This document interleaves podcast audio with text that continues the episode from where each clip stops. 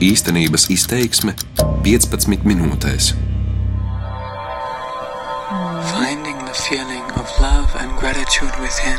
Meditācijas lietotnes balss rosina rast sevī mīlestību un pateicību un dot to citiem.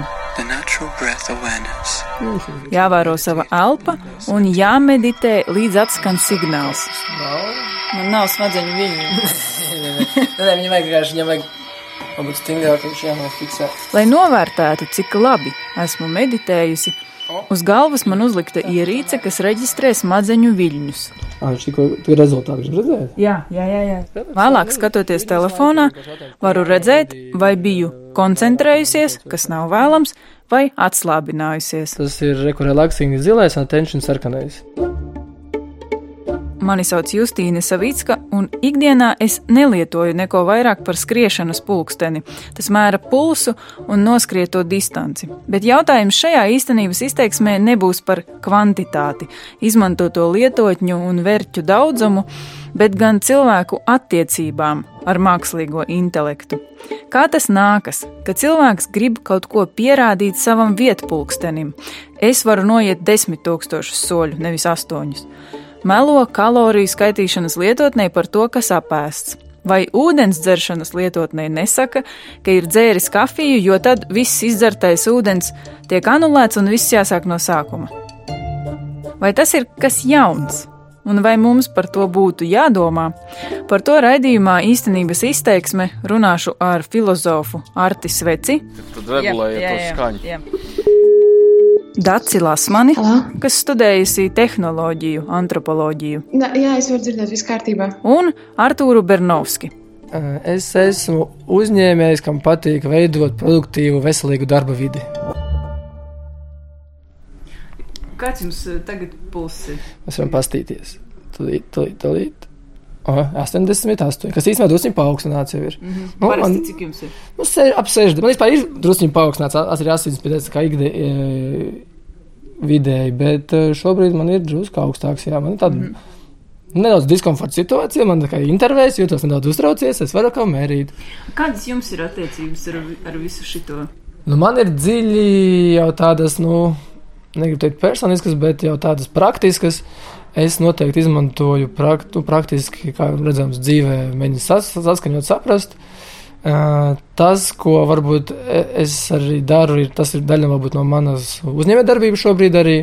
Artūrs Bernovskis vada uzņēmumu Efektio. Tā ir tāda darbinieku efektivitātes, produktivitātes vai labsajūtas platforma. Darbiniekiem iedod viedierīci, viedais pulkstenis vai vieda aproce, kas palīdz būt aktīviem. Dod gan padomus, kā labāk darīt, ko darīt pēc uzstādītiem mērķiem. Tiek izmantoti spēles principi, piemēram, dot zvaigznītes vai kaut kā citādi. Atalgot darbinieku par to, ka viņš vienkārši labi un veselīgi dzīvo. Ideja ir šāda: neviens astoņas stundas produktīvi nestrādā. Viņš nogurst nedaudz, viņš aiziet padzert kafiju, pastāstīt internetā vēl visādas lietas. Un darbiniekam ir tā iespēja, vai patiesībā viņam pat būtu pienākums palīdzēt darbiniekiem justies labāk, justies labāk, veselīgāk. Jo apmierinātāks darbinieks, jo lielāka iespēja, ka tas aktīvi strādās, piemēram, vismaz 5-6 stundas. Un tas ļoti noderētu darba devējam. Nāk atpakaļ patiesībā pašam uzņēmumam, tiešā veidā naudas izteiksmē. Smadzeņu viļņu mērītāju meditācijai un citas ierīces un lietotnes, kas mēra un analizē pulsu, soļu skaitu, miegu Uzņēmējs Artūrs Bernovskis izmanto ikdienā. Piemēram, ja ir kaut kādas nu, svarīgākas tikšanās vai kaut kādas darbības, kuras man ir netradicionālas, varbūt bijušas, kas man izved no komforta zonas, un brīdī man parādās varbūt asinsspiediens vai sirdsritms pātrinās. Un tad es varu dienas beigās paskatīties, kas bija tie notikumi, varbūt, kas man radīja diskomfortu, un tad analizēt, vai nu es nākotnē varu no tā izvairīties, vai nu es kaut kā pielāgojos, es sagatavojos tam situācijām, ka viņas būs. Tieši tāpat ar datiem par miegu. Es vienu dienu rīta pamostos un jūtos neizgulēts. Kaut gan es gulējis varbūt septiņas stundas, un liekas, wow, super daudz esmu gulējis, bet nu, jūtos diezgan traņķīgi. Un citu dienu es noguļu varbūt 5,5 stundas vai pat mazāk. Jūtos super izgulējis. Liekas, nu kā, nu, pēc loģikas nesanāk nekādīgi. Bet tad es pastos datos, ka, oh, nu redzi, patiesībā tad, kad es gulēju ilgi, Tad man bija saraustīts miegs, bija pārāk mazs, varbūt tas dziļā miega faktors, un patiesībā nu, uzņē, smadzenes nespēja pietiekami restartēties. Un tad var domāt, kāpēc tā? Es analizēju, ah, es varbūt nepareizi kaut ko pāēdu vakarā, vai es patiesībā pa, pa ilgu vakarā sēdēju internetā, man tas zilais ekrāns neļāva izstrādāties meltonīnam vai vēl kaut kādas problēmas. Un patiesībā, ok, nu, kur es nebiju izgulējis un tādas problēmas, no tām es atkal varu izbēgt, lai patiesībā justos labi. No vienas puses mums nu, ir potenciāli lielāka vara pār savu dzīvi. Piemēram, jo ja pirms tam tikai ārstiem bija šī iespēja noteikt, eh, kas ir labi, kas ir slikti, tad šobrīd eh, mēs paši tikai varam eh, daudz vieglāk piekļūt saviem datiem, mērīt viņus, pretīm arī saņemt to atbildi. Tā saka antropoloģe Dace Lasmane. Es teiktu, labā ziņa tāda, ka viņš var izpildīt tava personīgā koča, trenera funkcijas, un tev vairs nav jāalgo kāds speciāls treneris par nezinu, 50 eiro stundā, kurš tev teiks patiesībā to pašu, ko var pateikt aplikācija, tagad, nu, gudra aplikācija. Tehnoloģijas var izmantot pat kā sevis pagarinājumu, kaut ko, kas man palīdz kļūt par labāko sevis versiju, kā to dara Artūrs Bernovskis. To mēs devējam par biohackingu, tā kā bioloģiskā sistēma, ko tu uzlauzi. Un tā uzlaušana ir tā doma, ka Mums ir šie dažādi instrumenti, ne tikai gadgeti, bet patiesībā tās ir arī ikdienas, ikdienas vienkārši lietas, tur veselīga pārtika vai iešana pirtī, kas palīdz mums justies labāk. Agrāk vēl mēs nomirsim. Nu, tas ir skaidrs, par to neviens nestrīdās. Bet jautājums ir, kādu dzīvu kvalitāti nodzīvot. Un biohacking ir tieši tā lieta, kurā nu, tu mēģini dzīvot vien labāk un labāk justies labāk un kvalitīvāk. Jo nu, jautājums vairs nav liekas, par kvantitāti, bet patiesībā par kvalitāti. Atšķirt dzīvu no nedzīva nesot grandioza problēma, saka filozofs Artis Svece. Dzīvībā ir kaut kādas uh, pazīmes, uh, biologi tās uzskaita, un um, mūsu telefonam, piemēram, tādas nepiemīt nekādā veidā. Cilvēka dzīve un tehnoloģiju pasaule gan nav tik viegli nodalāmas. Tiksim, tāda Donna Harveja savā laikā lietoja jēdzienu kiborgs, un mēs visi esam kiborgi. Tādā ziņā, nu, kaut vai man ir brilles, tas jau man padara par kiborgu, man vajag apģērbu.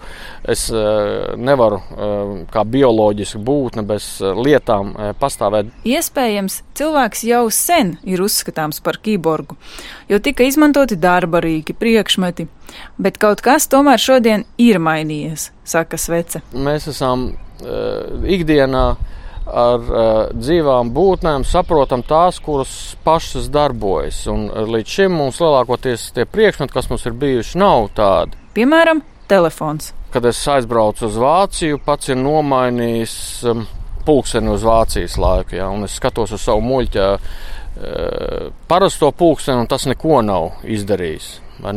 Un, un tad uzreiz rodas tā sajūta, ka mums ir darīšana ar kaut ko nu, nu neteiksim pat dzīvu, ja, bet tā kā dzīvnieku drīzāk tas, kas ir paškustīgs, pašdarbīgs. Un tas varētu būt iemesls, kāpēc cilvēka attiecības ar kapli var atšķirties no tām, kas tam ir ar viedierīci vai lietotni.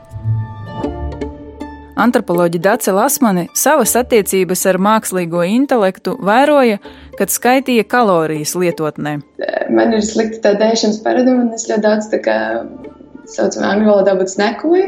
Par daudz uzkodu. Vienā ziņā šī aplikācija bija brīnišķīga, jo tajā, ka es tad, kad tiešām sāku uzskaitīt, man tas deva zināšanu līmeni, kurš man pirms tam nebija, jo uzņemt nevajadzīgas kalorijas, tur, kur patiesībā man tā aplikācija arī rādīja, ka, jā, bet jūs jau esat sasnieguši savu kaloriju devu, bet jums tur nav pietiekami daudz olbaltumvielu un daudz ogļhidrātu, un tad Kad ēda par maz, lietotne teica, ka tā nevajag darīt. Šī nav laba praksa, un jums ir tā, ka apēdiet pietiekami daudz to kaloriju daudzumu, vai, vai mēs neieskaitīsim to dienu. Bet lietotne radīja arī stresu. Stress, pieņemsim, kad es ierakstu tas um, kalorijas, un es redzu, ka es jau esmu pārsniegusi to limitu. Un tad es sāku saprast, vai es nespēlu, negribu sākt spēlēt kaut kādas spēles ar to aplikāciju, tā kā ar cilvēku pretī Man gribas dažreiz slēpt tajā aplikācijai to, ka es esmu kaut ko apēdusi vai atkal neesmu izdarījis pietiekami daudz. Ja vienu dienu lietotne piešķir zvaigznītes un slavē, un kuram gan negribas saņemt uzslavu par to, ka tas izdarījis labu darbu, un citā saka, ka kaut kas nav labi, rodas ilūzija, par komunikāciju, kāda tā ir cilvēku starpā. Tad tehnoloģija mēs uh, projicējam savu veidu emocijas uz viņām, un viņi mums kļūst par dzīvu lietu. Mēs arī sadzīvē katru reizi mēs negribam visiem teikt visu, mēs gribam tā izskatīties labāk. Zinātnē, filozofijā, kā skaidro Artis Svece, to sauc par antropomorfizāciju vai biomorfizāciju. Ka mēs piedēvējam cilvēka īpašības lietām vai dzīves būtnes īpašības uh, lietām. Un tas nav nekas jauns. Cilvēki ir regulāri nikni uz savu mašīnu, ka tā kaut ko nedara, nikni uz savu datoru, ja ka, ka kaut ko neklausa, ja, vai, vai kaplis pazūd. Ja. Ir kaut kādas domāšanas formas, kuras uh, cilvēks izmēģina attiecībā pret uh, visu. Piemēram, piedēvējot garastāvokļa maiņu kaut kam, kam garastāvokļa nav var saprast parādību, kuru tajā brīdī ir grūti izskaidrot vai paredzēt. Es nesaprotu, kāpēc gumijkoks kalst, jā, tad es saku apvainojies, piemēram, vai dusmīgs. Viņam nepatīk šeit dzīvot. Jā, un to pašu es varu arī uz telefonu vai vēl kaut ko citu attiecināt, tāpēc ka man nav citu līdzekļu, kā saprast šo lietu. Es domāju, ka telefona tehnologs droši vien tādā veidā par savu telefonu nedomāja vai programmētājs. Ja. Kas tagad ir citādi? Lietotnes un ierīces tagad pašas kaut ko dara, un tas pastiprina vēlēšanos tām piedēvēt cilvēka īpašības. Tāpat arī saprast, kā tās strādā, kļūst arvien grūtāk. Mēs arvien vairāk prasām, lai lieta darbojās eh, brīvi un dabiski. Es atceros, ka e, pirmais dators, kas man bija, e, strādāja ar DOS programmu, kur tev vajadzēja zināt komandas, ko tam rakstīt. Ja? Tagad es negribu nekādas komandas zināt. Es e, vēlams pat nav, ka man jāklikšķina kaut kas ir. Es pasaku telefonam, ja, kur ir kafejnīca, un telefons man atbild. Tas nozīmē, ka diez vai cilvēki uz tām sāks skatīties citādi. Ja ierīces kļūs sarežģītākas, mēs sapratīsim arvien mazāk. Un, jo tās labāk spēj ar tevi komunicēt, jo vieglāk tās antropomorfizēt, ja, jo vieglāk tām piedāvāt cilvēku īpašības, jo, jo sakarīgākas tās ir.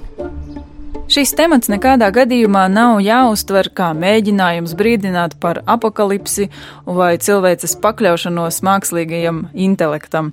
Drīzāk tas ir interesants novērojums, kas ļauj izvirzīt dažus interesantus jautājumus par dzīvi šodien un nākotnē.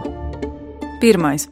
Vai ir iemesls, kādēļ vajadzētu pārtraukt piedēvēt emocijas vai citas īpašības ierīcēm un lietotnēm? Atbilda filozofs Artis Svece. Daudz kas atkarīgs būs no situācijas. Būs kaut kādas situācijas, kad šis jautājums būs gan svarīgs. Nu, kas notiek, ja tu uh, savu veco robotu pamet, jo tas vairs nav vajadzīgs? Var jau būt, ka tiešām uh, tā, tāda personiska attieksme, ka tā padara nezinu, mūs par labākiem cilvēkiem. Piemēram, cilvēki, kuri aizstāv ekoloģisko domāšanu, saka, ka ir labāk, ka mēs domājam par um, gumijkoku kā dzīvu būtni ar garu, nekā ka mēs to uztveram tikai kā potenciālo malku. Jo otrajā gadījumā mēs beidzam ar to, ka mums ir ekoloģiskā katastrofa vai kaut kas tāds. Otrais jautājums. Vai ļoti gudrām lietotnēm un ierīcēm ir kādas ēnas puses. Skaidro Dace Lasmane. Jāuzņemas ļoti liela atbildība no radītāja puses, jo viņiem ir savi mērķi. Tas, pieņemsim, ir tavs laiks, ko tu pavadi šajā aplikācijā. Jo tur aizmugurē ir ļoti daudz zinātnes eh, par to, kā patiesībā piespiest cilvēku tad es domāju, kamēr arī nebūs no sabiedrības puses šis spiediens kaut kādā veidā un diskusijas par to, ka, tā, nu, ka mums tas nedara un mēs tā negribam, tad tikmēr arī es domāju, ka tas būs no abas puses spēlēs šo spēli. Noslēgumā trešais, pēdējais jautājums, nedaudz banāls. Vai ir jājautā, kāpēc es vispār to visu daru? Uztraucos, kontrolēju, gribu būt labāks. Vai ir jēga par to domāt? Uzņēmējs Artūrs Bernovskis sev šo jautājumu ir uzdevis. Es arī izglītības jomā es esmu visu laiku mācījies. Man ir trīs augstākās izglītības, un es gribēju kaut ko jaunu, jaunu uzzināt, visu laiku kaut ko mācīties. Un varbūt es esmu, protams, analizējis sevi, un ļoti iespējams, ka varbūt tās visas darīšanas, tās visas lietas un tās aizņemtība kaut kādā ziņā nu, beigšana no sevis. Un tā meditācija tas palīdz, kad mēģina visu atslēgt un redzēt pašam sevi. Vai man sanāk, nu, kad es patiesībā pamēģinu, citreiz sanāk, pēc rezultātiem citreiz mazāk sanāk. Mans vārds ir Justīna Savicka, un šajā raidījumā runāju par cilvēka un tehnoloģiju attiecībām. Īstenības izteiksme 15 minūtēs.